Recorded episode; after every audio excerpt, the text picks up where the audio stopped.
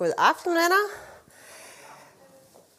Jeg hedder Anne, og øh, jeg er en af de to nye præsteinterns her i kirken.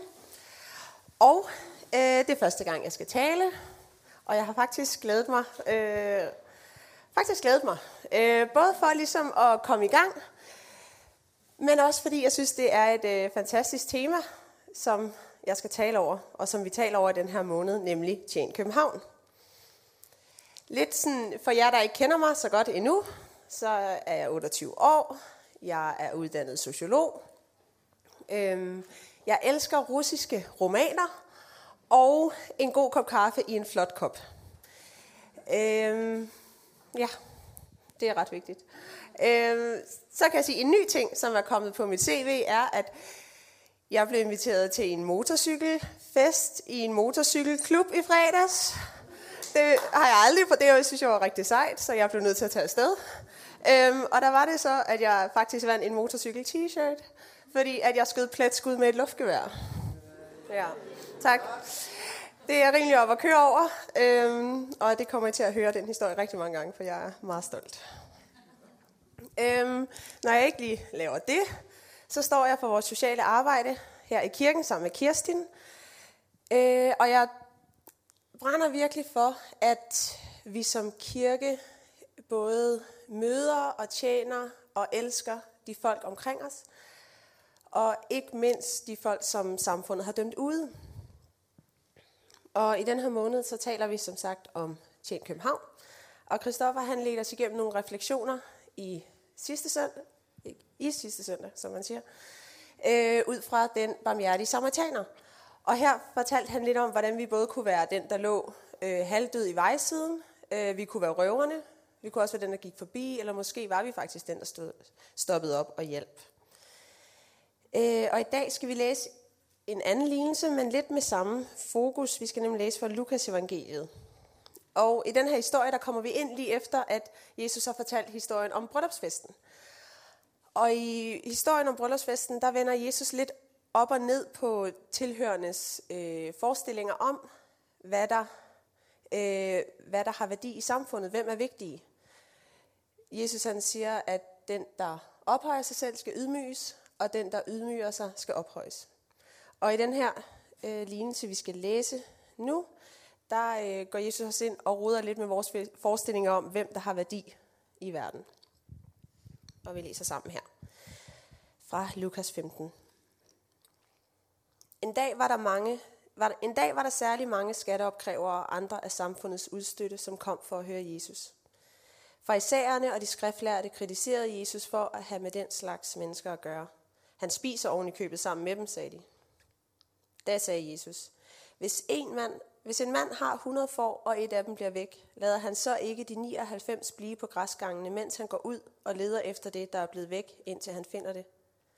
Når han har fundet det, lægger han det på sine skuldre med glæde, og så snart han kommer hjem, råber han til sine venner og naboer, Glæd jer sammen med mig, for jeg har fundet det får, som var fortabt. Det siger jeg. Sådan bliver der også større glæde i himlen over et menneske, der vender sig bort fra sin søn og kommer hjem til Gud, end over 99, som ikke har brug for at finde tilbage.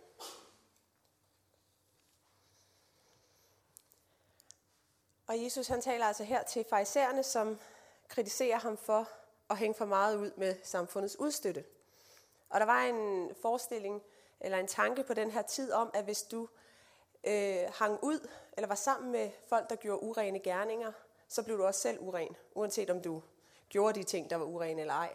Så hvis du ikke var udstødt af samfundet, så hang du altså ikke ud med nogen af samfundets udstøtte.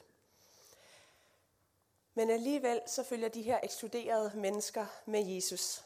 Og der står, at der var særligt mange den dag. Og det giver jo lidt indtryk af, at der altid er mange udstøtte, der følger Jesus. Og jeg synes, det her det er sådan en dejlig detalje om Jesus.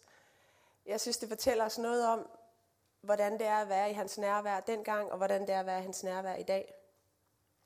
Øhm, de fleste af os ved godt, at vi ikke er perfekte. Vi har ikke, øh, vi har ikke behov for at blive mindet om, at vi kommer til kort.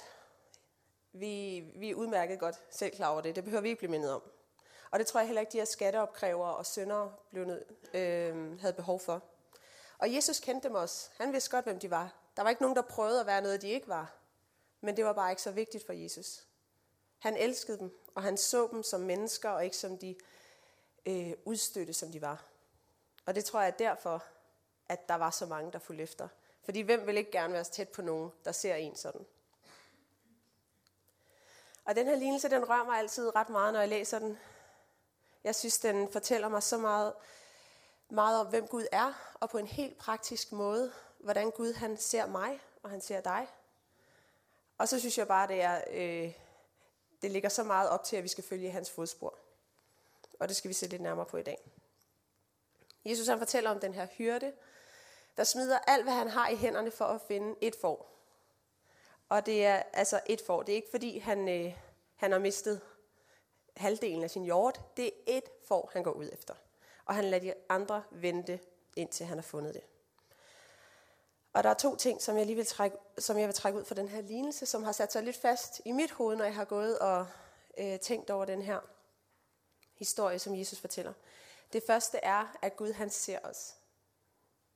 At han ser mig, og han ser dig. Og han vil gå rigtig langt for at komme dig i møde. Han vil gå rigtig langt for at finde dig. Han vil lede rigtig længe efter dig. Også selvom det er besværligt. Gud han elsker os så meget. Han elsker dig så meget. Så han er villig til at lade alle de andre vente, indtil han har fundet dig. Du er så vigtig for ham, at de andre godt kan vente. Og jeg tror nogle gange i vores hverdag, det kan jeg i hvert fald, godt føle, at man lidt nogle gange er en i mængden. Vi er tit i sammenhæng, hvor der er virkelig mange mennesker, øh, og vi har måske også lidt for travlt til, at vi lige får set hinanden altid. Og der synes jeg bare, at den her historie tydeligt viser, at sådan er det ikke hos Gud. At han ser os, han ser den enkelte, og vi er, bare, vi er ikke en af mange hos Gud. Og jeg er gået og prøvet at forestille mig lidt situationen her med de her får. Øhm, hvis nu vi siger, at vi er det ene får. Du er det ene får, jeg er det ene får. Det kan godt være, at de her 99 andre får, de er øh, mere populære. Det kan godt være, at de er, har sådan en mega flot uldstruktur. Jeg ved ikke så meget om for. Øhm, at de er super gode til at spise græs.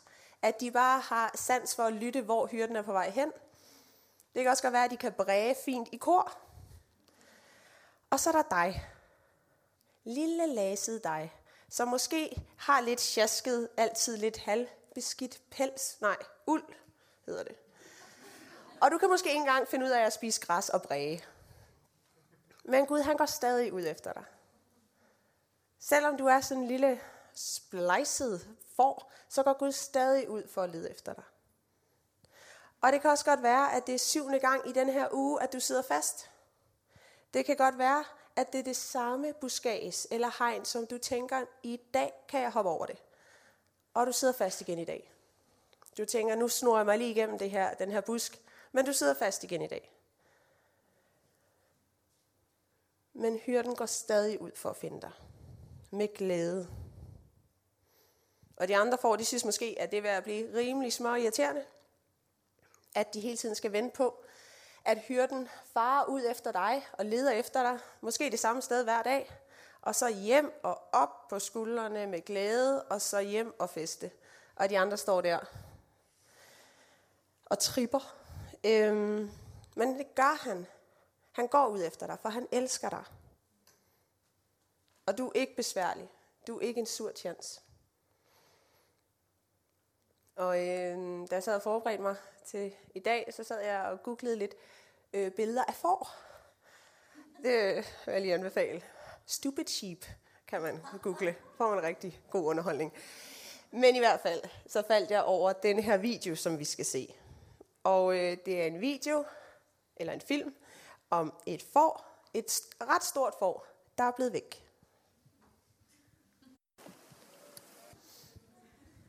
Og der er mange flere inde på nettet. Øh, men jeg kan lige forestille mig, hvor små irriterende det må være fordi det her 99 gode pligtopfyldende får, der står og tripper og venter på sådan et her får hver dag. Der bliver ved med at hoppe ned i et hul. Det er dumt. Og øh, får er ikke særlig intelligente, har jeg fået lavet mig fortælle. Det de skal gøre, det er, de spiser græs, så lytter de til hyrdens stemme, og så spiser de græs. Det er en rimelig simpel opgave, rimelig svært at gøre forkert. Men alligevel er det, det her, tydeligvis har det her for ikke fattet pointen. Og det er lidt sådan, i vores familie vil vi kalde det her for, for en kæmpe kejle. Øhm, det beskriver ligesom, hvor dumt det er. Det er bare dumt, at du ikke forstår en simpel opgave. You had one job. Men jeg synes også bare, det er så befriende. For man kender det godt. Nogle gange er man bare en kæmpe kejle. Men hyrden, han stopper også op. Han stopper også op i sin plan og leder efter kæmpe kejler. Han lader de andre vente, så han kan lede efter dig. Og han holder også en fest for dig. Og det kan godt være, at du føler dig som en kejle. Det kan også godt være, at du er klogt for. Men at du bare er blevet ramt af livets omstændigheder, livets besværligheder og hårdhed. At du er blevet fanget et sted. At du ikke kunne lykkes i det, du satte dig for. Det kan også godt være, at, at hver gang du prøver at komme i gang med hverdagen, så føler du dig slået, du bliver fanget i noget. Det kan også godt være, at du ikke kender hyrdens stemme så godt endnu. Der kan være nogle ord, folk har talt over dig, som bliver ved med at hænge fast, som, som gør, at du hele tiden finder dig et andet sted, end du egentlig havde tænkt, du skulle være. Eller noget fra fortiden, du ikke kan give slip på. Noget, som hele tiden gør, noget du slæber rundt på, noget, som gør, at du havner ned i huller. Noget, hvor du har brug for, at Gud han kommer og hjælper dig af med den byrde. Og uanset grunden til, at du er blevet fanget, og uanset grunden til, at du sidder fast, så kommer hyrden og leder efter dig. For han elsker dig, og han vil rigtig gerne hjælpe dig. Han kommer for at finde dig ud, Hjælp dig ud af busken, op af, ud fra stenen, fri fra hegnet, fordi at han ser dig. Han ved, hvor du er. Han ved, hvad du har brug for. Og øh, personligt så hader jeg at være besværlig. Jeg hader at lægge folk til byrde. Øh, og det er der helt sikkert rigtig mange af mine issues, der kredser sig rundt om. Øh, det er både ting, små ting i hverdagen, og så de lidt større ting. Og øh, jeg havde en tid for nogle år siden, hvor jeg simpelthen følte, at jeg ikke lavede andet end at være til besvær. At jeg ikke kunne de ting, jeg skulle. At jeg hele tiden skulle have hjælp for andre. Jeg følte mig bagud på studiet så jeg synes, jeg lige pludselig lå til byrde for min studiegruppe. Jeg havde hele tiden på fornemmelsen, at min chef egentlig synes, det, at jeg var nok lidt mere til besvær end til gavn. Øhm, og jeg følte, at, det, at jeg ikke havde det, der skulle, øh, at jeg ikke havde det, der skulle til for de ting, som jeg havde tænkt, jeg kunne klare. Og de ting, jeg havde sat mig for, og så er det, at man lige pludselig føler, at man bliver en byrde for folk omkring sig. Og jeg begyndte meget at tvivle på mig selv, og jeg prøvede hele tiden ikke at være en belastning. Det kan jeg så sige, det har tit den modsatte effekt. Så er det som om, at tit faktisk bare er en belastning øh, og til besvær. Og midt i alt det her, og prøve at finde ud af, hvad, hvordan var det, jeg havde det, og øh, sådan prøve at navigere lidt i det, så gik jeg til forbøn herop en søndag. Og øh, der bad Helle Rønne for mig, som har været, var præst her i kirken, og nu er i Rønne Vineyard. Og jeg prøvede at forklare hende, hvad jeg troede, der var galt. Og, øhm, og vi bad sammen for det. Og så efter vi har bedt, så siger hun meget kort, måske skulle du prøve at kigge lidt væk fra dig selv. Måske skulle du prøve at kigge på Jesus. Og det ramte mig bare. Det er jo så basalt, men det ramte mig og jeg brugte, jeg brugte den sommer på at læse min bibel, bede, stå fast på de løfter om, at Gud han vil komme mig i møde, at Gud han vil komme og lede efter mig, selvom jeg slet ikke vidste, hvad det var, hvor det var, jeg var endt henne, eller hvad jeg var fanget i. Men at Gud ville komme. Han vil komme og redde mig, ligesom foråret i filmen, der var hoppet ned i et hul. Og Gud kom og mødte mig. Gud kom og sagde til mig, at jeg godt måtte være besværlig. At det var ikke, øh, det var ikke en sur chance for ham at hive mig ud af hegnet dag efter dag. Han så mig, og han elskede mig så meget, at det var lige meget, om jeg følte mig som en fiasko på alle områder i mit liv. Fordi han bare elskede mig.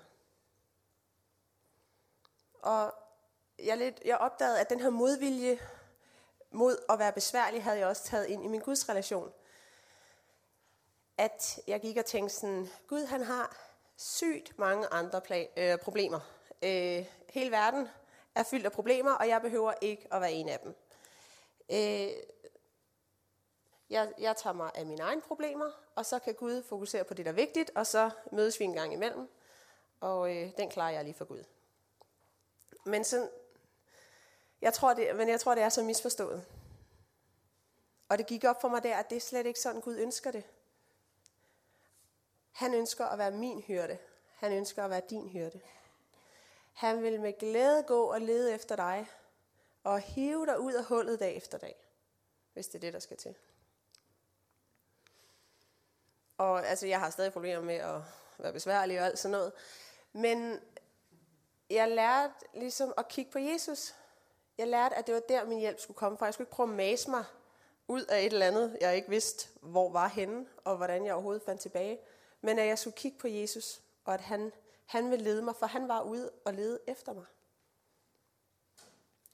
Og jeg tror, at det er derfor, at den her historie om det vildfarende får rammer mig så meget. Og måske rammer den også dig. Gud, han elsker at finde os. Og vi ved selv, hvor meget, hvor meget vi vil gøre for vores venner og familie, som vi elsker, hvis de er havnet i en eller anden problem eller en suppedags. Lige meget hvor besværligt det er, lige meget hvordan de er kommet der, vi vil hjælpe. Hvor meget mere vil Gud så ikke hjælpe os? Hvor meget længere tid vil han ikke søge ud i ødemarken? Hvor mange flere buske vil han ikke kigge bagved? Han vil efterlade de 99 flotte, højkvalitetsfor for at finde en lille lusede dig, der igen blev distraheret af et eller andet insekt og løb væk igen i dag. Og jeg synes bare, det er så fantastisk. Jeg synes, det, det forandrer alt. Og det er noget, jeg tror, jeg vil bruge resten af mit liv på at forstå Guds kærlighed til mig.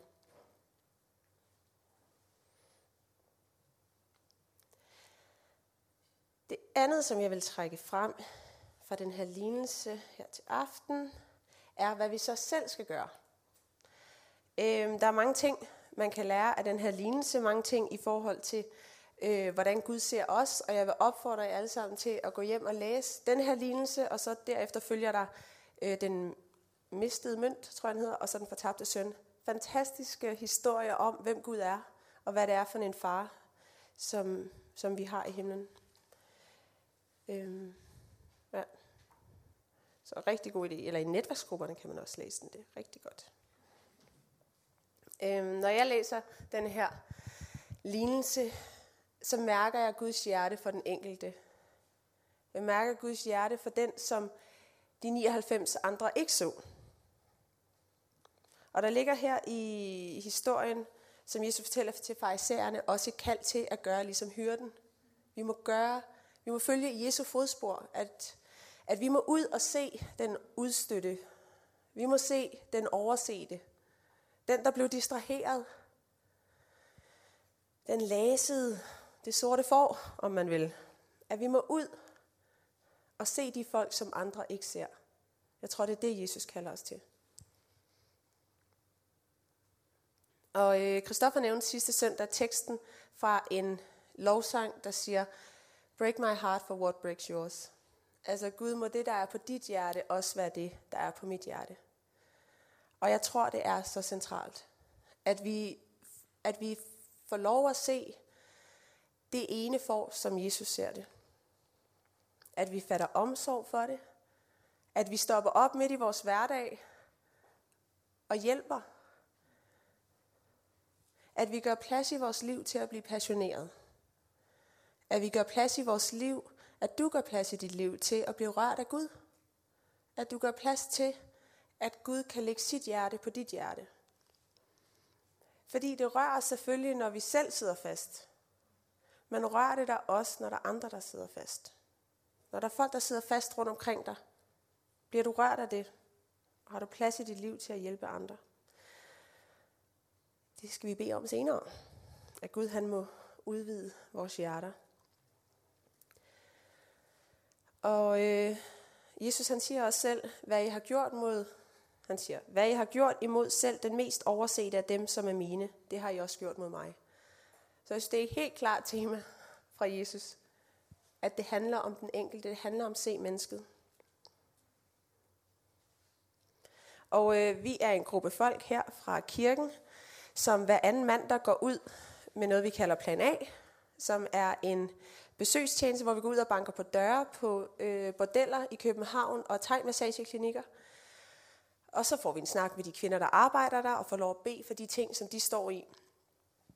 Og øh, en mand, der i løbet af de første par måneder, hvor jeg var med i Plan A, så var vi på Vesterbro et sted, og de havde store problemer med naboer og skolen tæt på, der ville smide dem ud, så de var meget bekymrede, og vi sad der sammen med bordelmutteren, som sad og græd og var så bekymret. Jeg sad og hjalp med at oversætte nogle dokumenter fra kommunen, og lige pludselig var hun sådan, I må bede for mig, I må bede for det her. Øhm, og jeg, jeg var relativt ny i plan A, og havde ikke lige siddet i sådan en her situation før. Fordi hvad beder man? Man sidder her sammen med bordelmutteren, der tjener penge på, at andre prostituerer sig selv. Jeg synes, det var jo så meget imod det, som jeg tænker, Jesus står for. Og mens jeg sidder der, jeg kan huske, at jeg lægger armen om hende, og mens jeg sidder og prøver virkelig at tænke sådan, hvad er det, jeg skal bede? Skal jeg bede om, at Gud han må, øh, at han må redde bordellet? Skal jeg bede om, at Gud han må, han må give dem et nyt sted til et bordel? Altså nej, det, det havde jeg jo ikke lyst til at bede. Og jeg sad der og prøvede virkelig at tænke mig frem til det hele, og lige pludselig, så fyldte Gud mig bare med en kæmpe omsorg for den her kvinde. Jeg tror, jeg så noget af Guds hjerte for hende. Noget af hans kærlighed. For den her kvinde, der sad og bad, eller sad og græd, nogle meget stille, men også meget bange tårer. Og Gud, han elskede hende sådan. Han havde sådan en stor omsorg for hende. Og vi begyndte at bede, det måtte jo bare være det, jeg bad, at Gud måtte møde hende og se til hende, at han måtte fortælle hende, hvem han var i alt det her. Og jeg kan huske, at hun selv bag, bagefter, så beder hun selv, øh, jeg kan huske, hun sætter sig sådan her, og så beder hun, God take care of me, take care girls, take care of me. Og det var jo bare det, vi måtte bede, at Gud han måtte se til dem. For det er jo faktisk ikke særlig kompliceret. Guds kærlighed er ubetinget. Så er det lige meget, om det er en bordelmutter, der sidder der på Vesterbro, og jeg ikke er helt enig i, hvad hun har gang i. Men Gud, han elsker hende, og han vil hende den dag. Han vil tale til hende, han vil møde hende. Og den her oplevelse, den blev så stor for mig. Og hver gang jeg skal fortælle den, bliver jeg sådan helt rørt igen, fordi at det blev bare lige pludselig så simpelt. At det er lige meget, om du er en bordelmutter på Vesterbro. Det er lige meget, om du er kommet til at lyve igen. Det er lige meget, om du sparkede cyklisten til højre for dig på vej herhen. Om du aldrig har stået ved, at du tror på Jesus.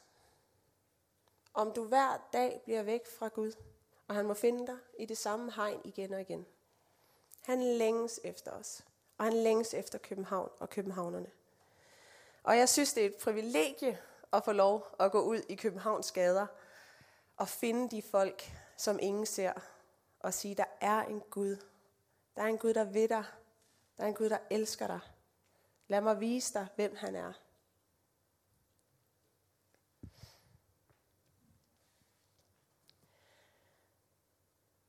Og øh, en helt konkret måde, man kan gøre det her på, er, man kan jo også bare tage fat i mig eller Kirstin, men vi vil bare rigtig gerne hjælpe os alle sammen med at finde ud af, hvordan kan vi tjene København.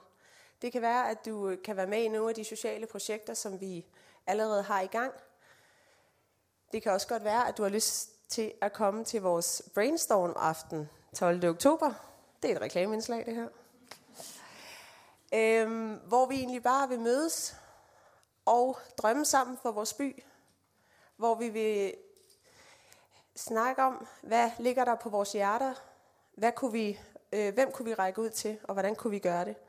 Og der kommer meget mere information, men man kan også skrive eller tage fat i mig og Kirstin, og Kirstin står ude efter gudstjenesten, så kan man bare få en god snak med hende. Så kan hun vise, ja, hvordan I kan blive involveret. Det er et kæmpe privilegie, og jeg synes, det har været, øh, det har været så livgivende. Det har været forvandlende for mig, øh, min vandring med Gud, at være med i plan A, være med i Mission Julegave, med til at række ud til folk, der bare står i nogle svære situationer. Men jeg har gået og tænkt lidt over den her tekst de sidste par uger. Og jeg synes virkelig, at den er både så befriende, og jeg synes, den er så udfordrende. Fordi for det første, så skal du og jeg lære, at der er en Gud, der elsker os. Vi skal prøve at, at forstå det, at der er en Gud, der faktisk gerne vil ud og øhm, tage besværet og hive dig op, eller finde dig, hvis du bare er gået et eller andet helt andet sted hen. Og så skal vi også ud af døren. Vi skal ud og ikke bare se mængden, vi skal ikke bare se målgruppen, vi skal se den enkelte. Den person, der står lige ude foran vores hoveddør og bare mangler at blive set, mangler at blive værdsat og få at vide, at de har værdi. Vi skal gøre som hyrden. Fordi Gud han længes efter København. Han leder efter københavnere, og han leder også efter dig.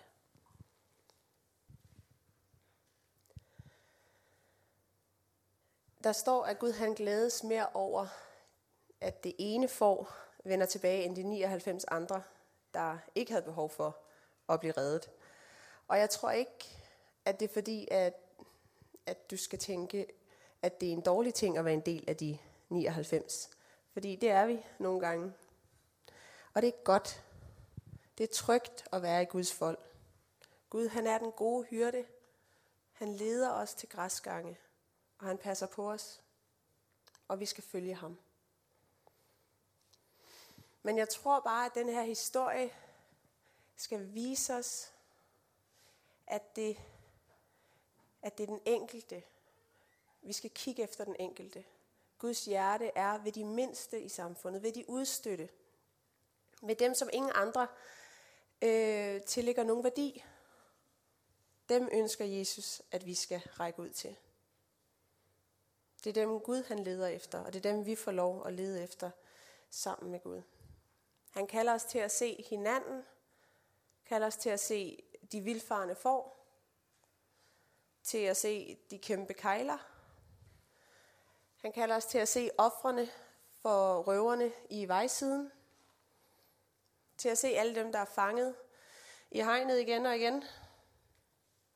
Og dem, der er lige når vi går ud på Nyvej, eller hvor, hvilken vej vi tager hjem herfra. Og jeg synes, vi skal bede for de her ting i dag. For jeg tror, vi skal bede for, for dig, der har brug for, at Gud han udvider dit hjerte. Vi skal bede for dig, der har brug for at mærke Guds hjerte for folk omkring dig. For den enkelte, for dem du møder på din vej. At du kigger op, og du kigger rundt, og du følger i Jesu fodspor. At du går ud af din vej for at finde, finde folk, som Gud leder dig til. Og det her med at lede, altså det er jo ikke at lede efter noget, hvis det ligger lige foran dig. Det er besværligt at lede efter noget. Du skal ud og væk. Det var måske ikke den vej, det var ikke den plan, du havde den dag. Du var måske på vej til netværksgruppe. Man må godt komme for, for sent til netværksgruppe. Fordi at man lige skulle bede for nogen, eller fortælle, at Gud elsker dig. Det er nu hermed sagt. Amen. Tak, Marianne. Vi skal bede for, for dig, der har brug for at få meding for folk omkring dig, der sidder fast, at fatte omsorg for dem. En omsorg, der skubber os ud, der får os til at handle, der får os til at åbne vores mund, får os til at lægge armen omkring folk. Vi skal bede, jeg tror, vi skal bede for at dig, der vil have plads i dit liv til at blive passioneret, at blive rørt af Gud, rørt af det, der ligger på hans hjerte.